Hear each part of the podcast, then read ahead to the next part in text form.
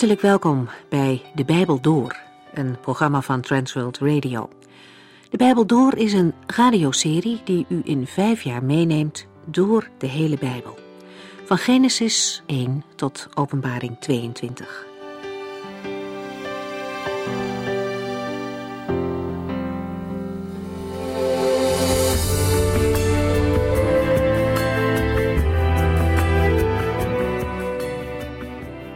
De vorige keer maakten we een begin met het boek Jona. De naam van deze profeet betekent duif. En hoewel hij in eerste instantie de verkeerde kant op vliegt, komt hij uiteindelijk toch waar de Heere hem wil hebben, namelijk in Nineveh. Daar brengt hij een korte boodschap namens de enige ware God. Maar wat een gevolgen heeft die simpele prediking van Jona. De Heere, die alles overziet, wist hoe belangrijk het was om een profeet naar Nineveh te sturen om de bevolking te waarschuwen. Een duif staat symbool voor vrede. Maar wat Jona vertelt lijkt eerder het tegenovergestelde. Want de profeet kondigt het oordeel aan, over veertig dagen wordt Nineveh verwoest.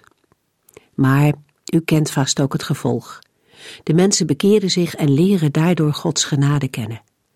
En zo komt de vrede van God uiteindelijk toch in die stad.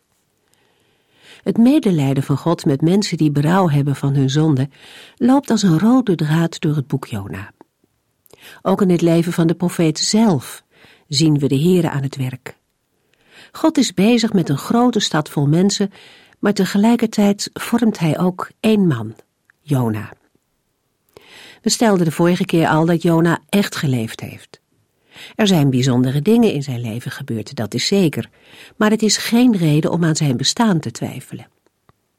In het Nieuwe Testament zien we dat de Heer Jezus op dezelfde manier over Jona spreekt als over andere historische personen, over David bijvoorbeeld. Ook de gebeurtenis in de vis en de bekering van de Ninevieten wordt door de Heer Jezus als waar gebeurde geschiedenis aangehaald. Zoals we van heel de schrift geloven dat ze door de Heilige Geest geïnspireerd is, zo geloven we dat ook van het boek Jona. Vandaag kijken we verder naar deze bijzondere profeet uit het Oude Testament.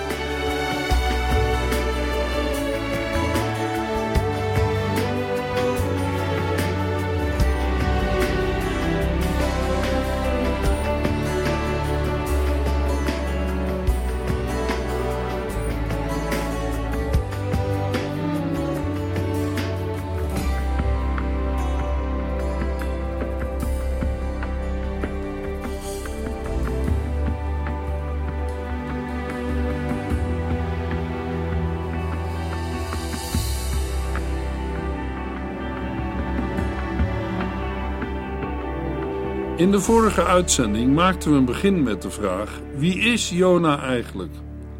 We merkten op dat Jona ons doet denken aan een kromme stok, waarmee de Heere dan gelukkig nog een rechte slag geeft. Toch is het de vraag of dat beeld terecht is. In 2 Koningen 14 vers 25 tot en met 27 lezen we Jerobiam II heroverde het gebied van Israël tussen Hamat en de Dode Zee. Precies zoals de Heere had voorzegd door de profeet Jona uit Gad Hasjefer, de zoon van Amittai. Want de Heere had de bittere ellende van Israël gezien. Er was niemand die haar kon helpen. En omdat hij niet had gezegd dat hij Israël ten onder zou laten gaan, gebruikte hij koning Jerobiam II om het land te bevrijden. In de Hebreeuwse tekst lezen we voor de woorden precies zoals de Heere had voorzegd door de profeet Jona uit Gad Hasjefer het volgende. Overeenkomstig het woord van de Heere, de God van Israël, dat hij gesproken had door de dienst van zijn dienaar Jona, de profeet uit Gad Hasjefer. Waar het hier nu om gaat, zijn de woorden die de Heer had gesproken door de dienst van zijn dienaar Jona, de profeet. Zo noemt Gods woord Jona, een dienaar van de Heere. Dat is niet gering. Zo spreekt de Heere bijvoorbeeld ook over Job, mijn dienaar Job. Dat zegt de Heere van Jona en de Heere weet wat voor maaksel wij zijn. Eenzelfde aanduiding komen we ook bij Mozes tegen. Mijn dienaar Mozes, de profeet. Ja, dat is geen slecht gezelschap. Daarmee zegt de Heere van Jona: Hij is mijn dienaar.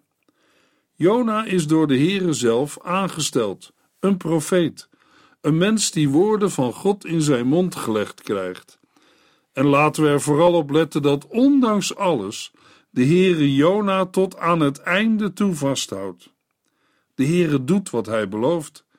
Hij laat nooit varen de werken van zijn handen. Het Bijbelboek Jona laat zien dat de Heere met Jona in gesprek gaat en met hem in gesprek blijft tot het laatste toe. Dat is toch een bewijs van Gods werk in het leven van Jona. Hoe anders ging het met koning Saul, die door de Heere verworpen was en tot wie de Heere niet meer sprak. Als wij met betrekking tot de profeet Jona alles naast elkaar leggen, wordt duidelijk: de Heere kende Jona. En toen God met hem begon, wist de Heere wel wat voor vlees hij in de kuip had, namelijk een zondaar, een wegloper, een dienstweigeraar, een ongehoorzame, die het beter had moeten weten. En dat de Heere Jona kent, wordt bevestigd door het gebed van Jona in de vis, zoals we dat lezen in Jona 2 vers 1 tot en met 4. Vanuit de vis bad Jona toen tot de Heere en zei: In mijn grote moeilijkheden riep ik de Heere en hij antwoordde mij. Ik riep vanuit de diepten van de dood en u hoorde mij, Heere. U wierp mij in de diepe zee. Ik ging onder in het kolkende water en werd bedekt door uw wilde en woeste golven. Toen zei ik: O Heere, u hebt mij de rug toegekeerd en mij weggejaagd. Zal ik uw heilige tempel ooit nog terugzien? De woorden laten zien dat de Heere Jona kent, maar ook Jona kent de Heere. In de Hebreeuwse tekst van Jona 2 vers 1 noemt Jona de Heere mijn God. Hij zegt: In mijn grote moeilijkheden riep ik de Heere en hij antwoordde mij. Er is ook nog een ander getuigenis van Jona dat bevestigt dat Jona een kind van God moet zijn geweest. De Heere kende Jona, maar Jona zegt in Jona 4 vers 2: Dit is nu precies wat ik dacht dat u zou gaan doen, Heere, toen ik nog thuis was en u mij opdroeg hierheen te gaan. Daarom vluchtte ik naar Tarsus, want ik wist dat u een genadig en barmhartig God bent. Dat weet Jona. Dat wist hij al toen de geschiedenis van het Bijbelboek Jona nog moest beginnen. Nee, hij wist het niet van horen zeggen. Jona gebruikt een werkwoord dat betekent zoveel als: Daar kende ik de Heere goed genoeg voor. Er was al een persoonlijke relatie tussen de Heere en Jona. De Heere kende Jona en Jona kende hem. Hij wist wie de Heere was, genadig en barmhartig. Luisteraar, daarmee hebben wij de boodschap van het Bijbelboek Jona. Dat is het geheim. Dat ligt niet alleen op in het tweestammenrijk Israël, dat het gericht heeft verdiend en toch onverdiende zegen ontvangt in de gouden eeuw van Jerobiam II. Het is ook het geheim dat oplicht in de stad Nineveh, de goddeloze stad die wordt gespaard. Maar er is meer. Dat geheim wordt ook zichtbaar en misschien moeten we wel zeggen, wordt juist zichtbaar in Gods handelen met de persoon van de profeet Jona. Zo barmhartig is de Heere dat hij mensen als Jona, die hij kent, in dienst neemt en in dienst houdt. Dat hij zich niet schaamt de God van Jona genoemd te worden. Het geheim van Jona, de boodschap van zijn leven en van het Bijbelboek met zijn naam is: Zo is de Heer in zijn grondeloze barmhartigheid. Hij ontfermt zich over wie hij wil. En waarom doet de Heer dat? Luisteraar, dat antwoord vindt u nooit als u kijkt naar de mensen over wie de Heere zich ontfermt. Dat geldt voor Jona, maar dat geldt ook voor u, jou en mij. Er is maar één antwoord. Het is Gods grondeloze barmhartigheid dat Hij mij genadig wil aanzien. Nee, wij gaan de houding en de vlucht van Jona niet goed praten. We komen er zeker op terug. Het is ook niet voor niets dat Jona aan het eind van het Bijbelboek geen weerwoord meer heeft tegenover de Here. Hij heeft zich geschaamd voor Gods aangezicht, zoals Asaf zich schaamde toen hij in Psalm 73 moest beleiden. Toen bitterheid in mijn hart opkwam en ik opstandig en geprikkeld was, reageerde ik als een dwaas zonder inzicht. Ik gedroeg mij onredelijk tegenover u. Toch zal ik altijd bij u blijven. U houdt mij stevig vast. Dat is het evangelie van Jona. Het is niet vernederend als een mens zichzelf heeft leren kennen en in zijn verlorenheid moet roepen om Gods genade. Dan moeten we toegeven dat wij in onszelf reddeloos verloren zijn. Maar bij de Heere is ontkoming. Bij hem zijn uitkomsten tegen de dood. Wie op grote verzoendag voor de Heere staat als een mens die zichzelf heeft leren kennen, die gaat begrijpen dat Israël het Bijbelboek Jona op die dag leest. Zo mogen ook wij het Bijbelboek Jona lezen, alsof we staan aan de voet van het kruis van de Heer Jezus, met lege handen en vragend aan de Heer Jezus: Heere, wees mij zondaar genadig.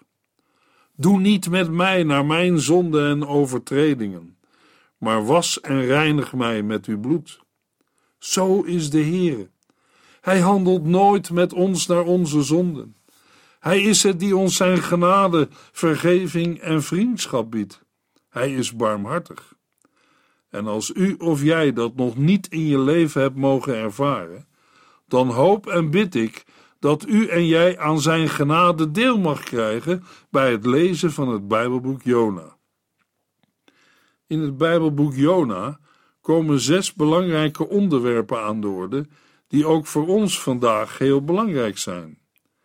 De eerste die ik wil noemen is de opstanding van de Heer Jezus Christus. Natuurlijk vinden we in veel oud-testamentische Bijbelboeken de basis voor belangrijke fundamentele christelijke leerstellingen. Bijvoorbeeld in het Bijbelboek Exodus vinden we verschillende verwijzingen naar de vergeving en verzoening van de zonde. Het zijn heenwijzingen naar het verlossingswerk van Christus voor zondaars. Een ander voorbeeld is het Bijbelboek Rut, dat het begrip lossing en het werk van de losser voor het voetlicht brengt. Het is een beeld van wat Christus voor ons heeft gedaan. Daarnaast laat het Bijbelboek Rut zien dat ook niet-Joden bij het volk van God mogen horen. In het Bijbelboek Esther zien we een voorbeeld hoe de Heer het leven van mensen en koninkrijken bestuurt, leidt en gebruikt in zijn dienst. Een prachtig beeld van Gods voorzienigheid en zorg. Hetzelfde zien we in het Bijbelboek Job. In Job komt ook het onderwerp lijden aan de orde. Maar ook dat wij mensen de Heere niet in alles kunnen begrijpen, als ook onze kleinheid. Zonder de Heere kunnen wij niets. Uit de citaten in het Nieuwe Testament weten wij dat in het Bijbelboek Jona de opstanding van de Heer Jezus Christus wordt geïllustreerd en onderwezen. Alleen daarom is het Bijbelboek Jona een belangrijk boek in de Bijbel. Een tweede belangrijk punt in het Bijbelboek Jona is het onderwijs met betrekking tot redding van mensen. Die redding kan niet worden bereikt door hard te werken en goed je best te doen, maar door geloof in God dat leidt tot bekering.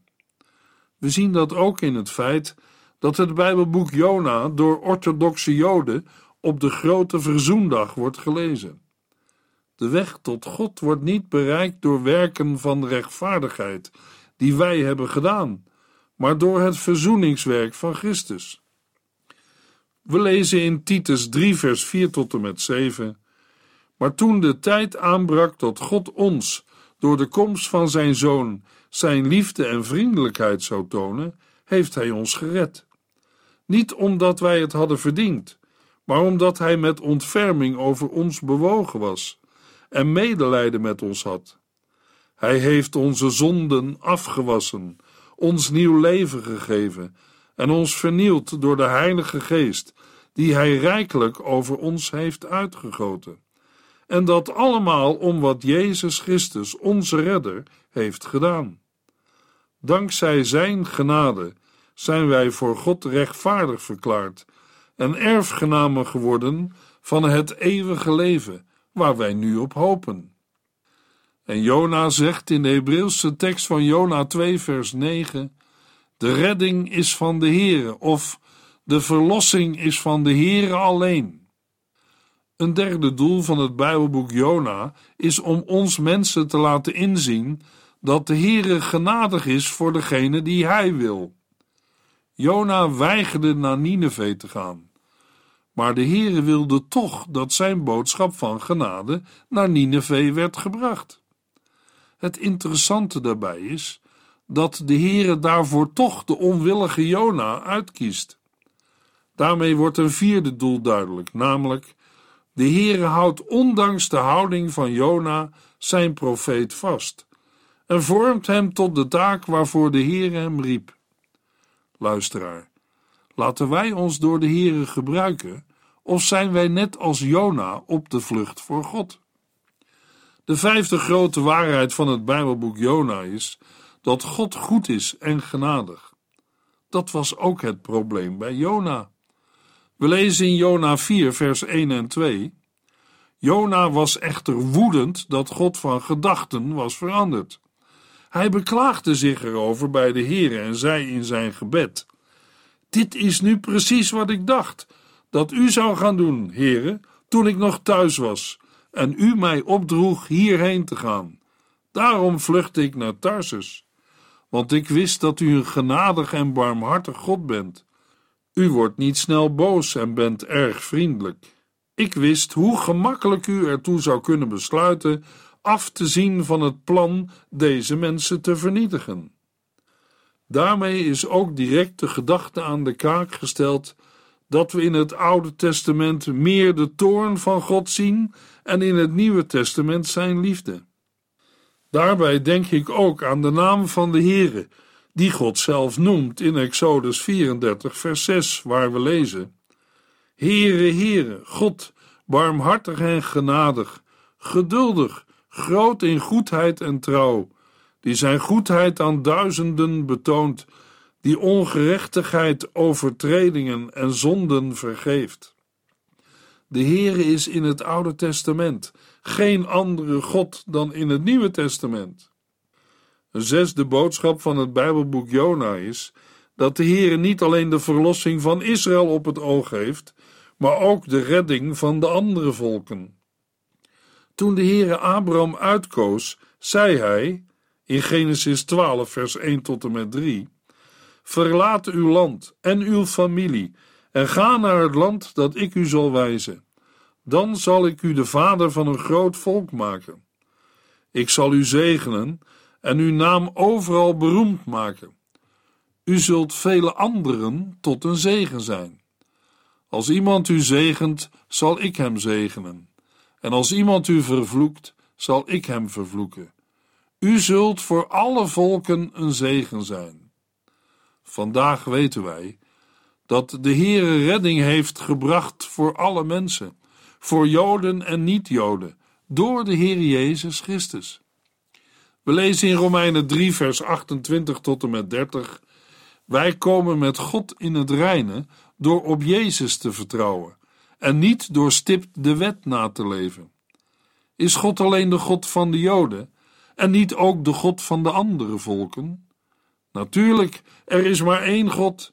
Hij spreekt Joden en andere mensen vrij op voorwaarde dat zij in Jezus Christus geloven. Het Bijbelboek Jona laat al in het Oude Testament zien dat de Heere de niet-Joden niet heeft vergeten. God wilde een vrouw redden, zoals Rachab de hoer uit Jericho, maar ook een wreed en woest volk als de Assyriërs, inclusief de inwoners van de hoofdstad Nineveh.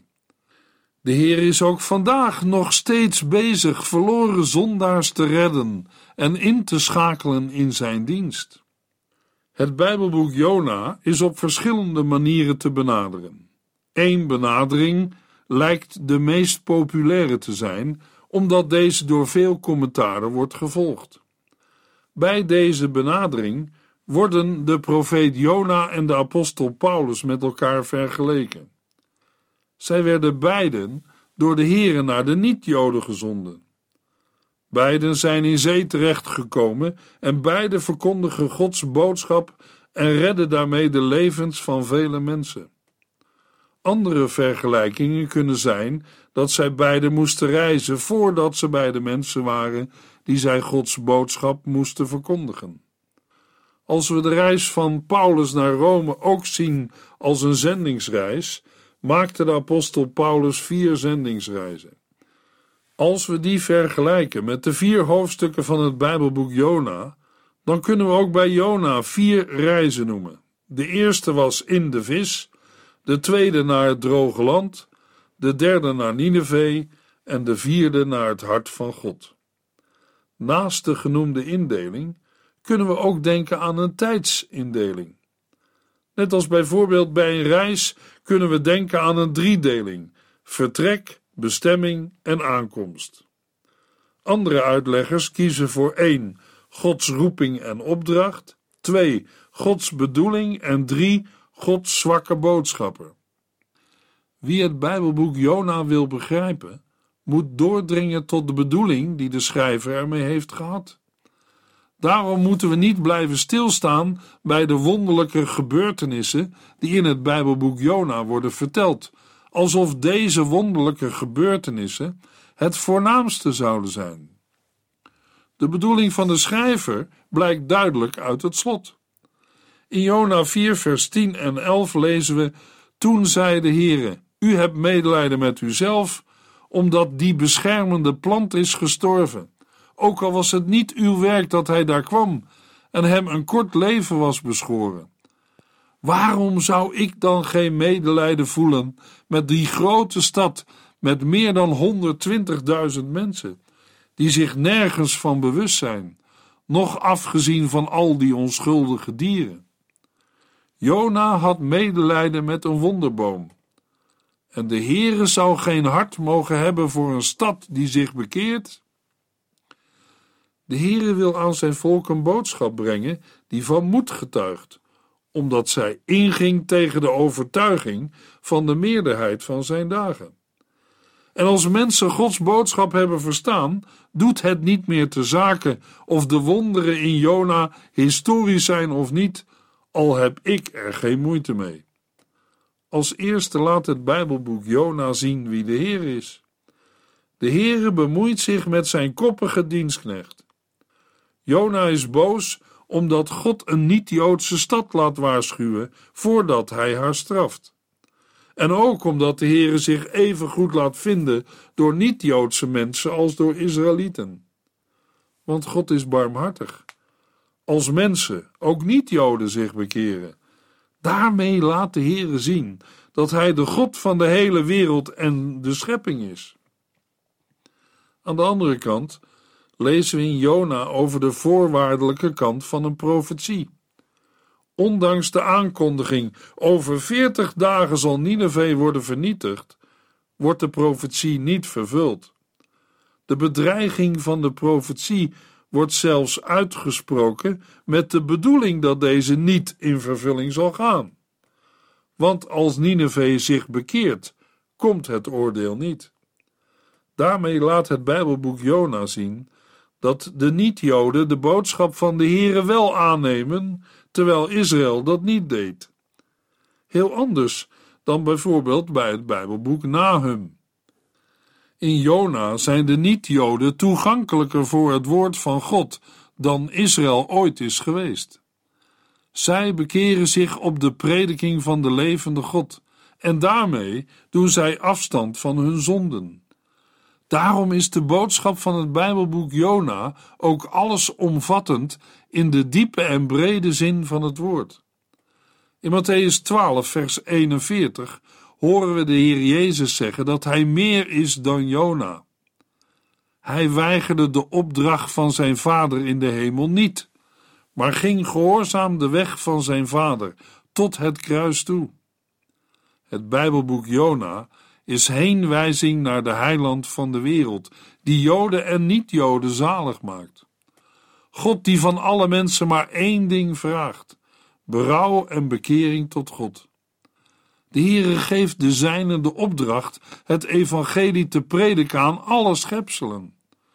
We lezen in Handelingen 1 vers 8, maar als de Heilige Geest op jullie neerkomt, zullen jullie kracht ontvangen om de waarheid over mij te vertellen aan de mensen in Jeruzalem en ook in Judea en Samaria, en zelfs tot in de verste uithoeken van de wereld. In hoofdstuk 1 wordt de vlucht van de profeet Jona beschreven en de storm op zee, waarbij Jona overboord wordt geworpen. In Jona 2 vinden we de ingevoegde psalm of gebed dat Jona binnen in de vis heeft gedicht of gebeden. In Jona 3 wordt de uitwerking verteld van de prediking van Jona aan de inwoners van Nineveh, terwijl Jona 4 beschrijft hoe Jona door de Here terecht wordt gewezen met behulp van een wonderboom. En wij? De zonde tiert welig in onze samenleving en in de wereld.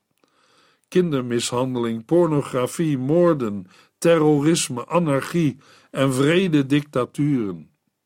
De wereld schijnt over te lopen van geweld, haat en corruptie.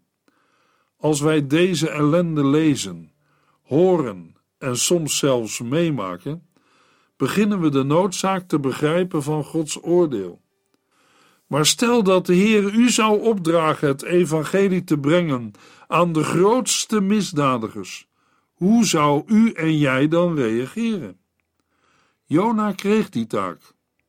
Assyrië, een groot koninkrijk, maar in moreel opzicht slecht, was Israëls meest gevreesde vijand. De Assyriërs lieten God en de hele wereld hun macht zien door allerlei verschrikkelijke wreedheden. Toen Jona van God hoorde dat hij de mensen van Nineveh moest oproepen tot berouw, vluchtte hij. In de volgende uitzending lezen we Jona 1, vers 1 tot en met 3.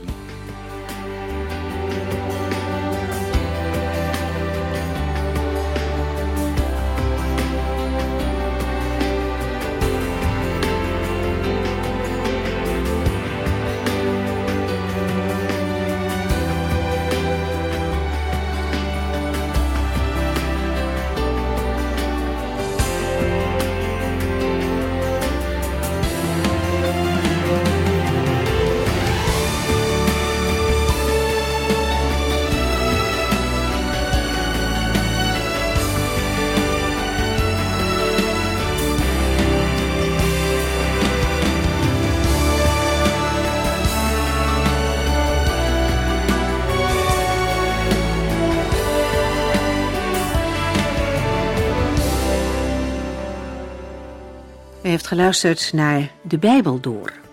In het Nederlands vertaald en bewerkt door Transworld Radio. Een programma waarin we in vijf jaar tijd de hele Bijbel doorgaan. Als u wilt reageren op deze uitzending of u heeft vragen, dan kunt u contact met ons opnemen. Tijdens kantooruren kunt u bellen op 0342 47 8432. 0342 47 8432. 32. Ook kunt u een e-mail sturen naar de Bijbel door transworldradio.nl en natuurlijk kunt u ook via de post ons bereiken. TWR, postbus 371, postcode 3770, AJ in Barneveld. Dit programma werd gepresenteerd door Corweda en Ike André. Techniek was in handen van Odin van Woerdenkom. En namens ons allemaal bedanken we u van harte voor het luisteren.